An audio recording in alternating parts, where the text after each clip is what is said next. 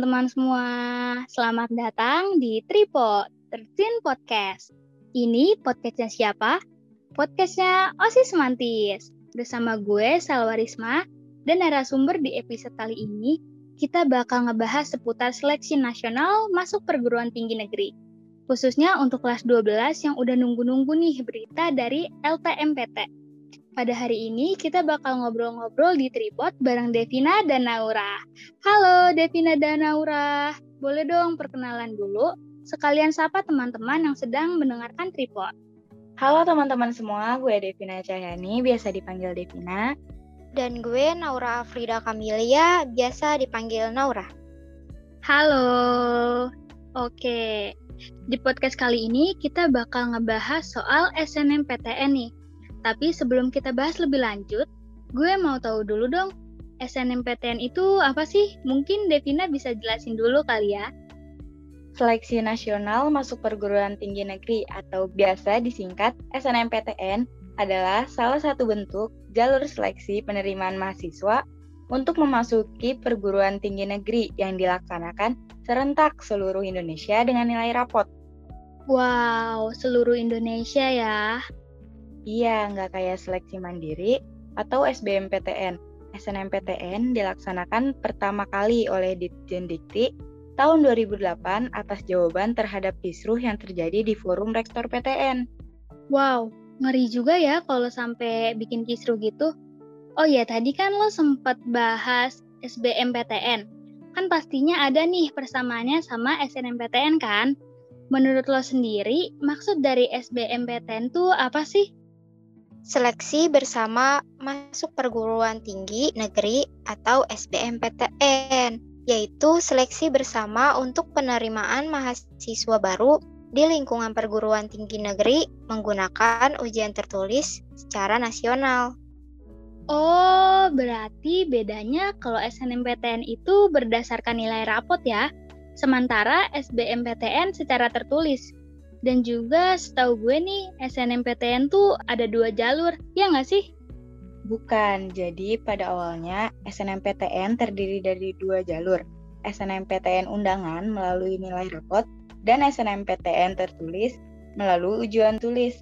Cuma pada tahun 2013, SNMPTN ujian tulis diubah menjadi bersama masuk perguruan tinggi negeri atau yang sekarang bisa kita panggil SBMPTN dan SNMPTN undangan kemudian berganti nama menjadi SNMPTN dengan kriteria seleksi penerimaan berdasarkan nilai rapot, nilai ujian nasional, dan prestasi akademis lainnya. Pantesan gue kayak nggak asing gitu. Oh iya, kalau nggak salah nih, di bulan kemarin itu SNMPTN udah terlaksanakan ya. Tapi kok gue nggak denger tuh soal SBMPTN, ini emang beda jadwal atau gimana ya? Nah, iya. Untuk SBMPTN sendiri bisa nih ditempuh jika pelajar belum berhasil lolos masuk ke PTN yang diinginkan melalui jalur SNMPTN. Nah, umumnya jalur SNMPTN akan dilaksanakan pada Januari sampai Februari.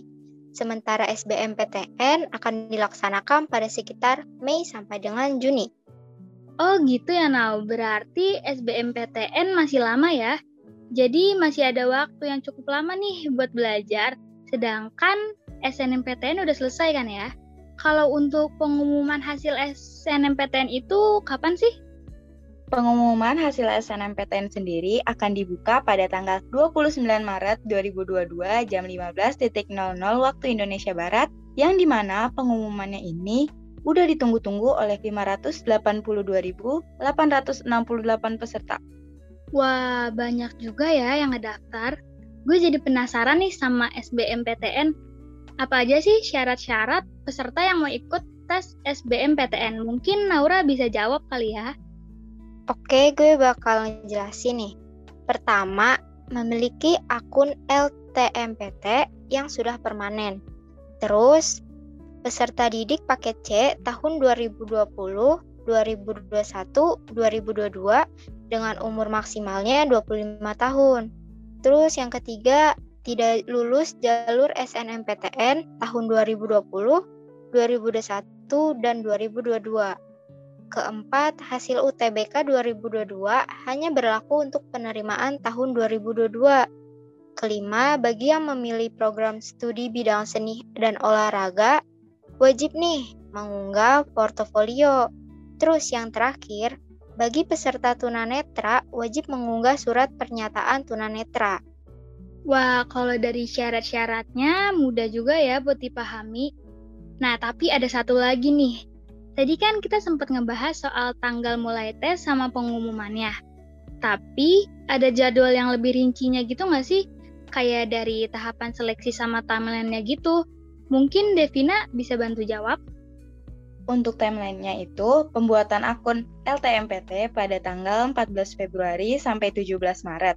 Lalu, pendaftaran UTBK akan dimulai pada 23 Maret sampai 15 April UTBK gelombang 1 akan dimulai pada 17 sampai 23 Mei, kemudian gelombang 2 pada 28 Mei sampai 3 Juni.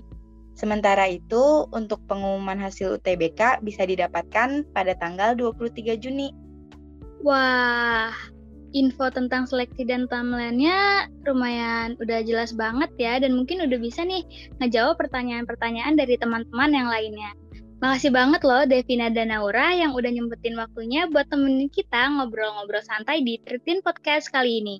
Semoga apa yang udah disampaikan di Tripod kali ini bisa bermanfaat untuk teman-teman yang sedang mendengarkan.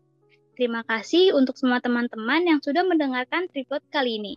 Stay tune di Instagram at osisman13dpk untuk Tritin Podcast selanjutnya. Bye semuanya!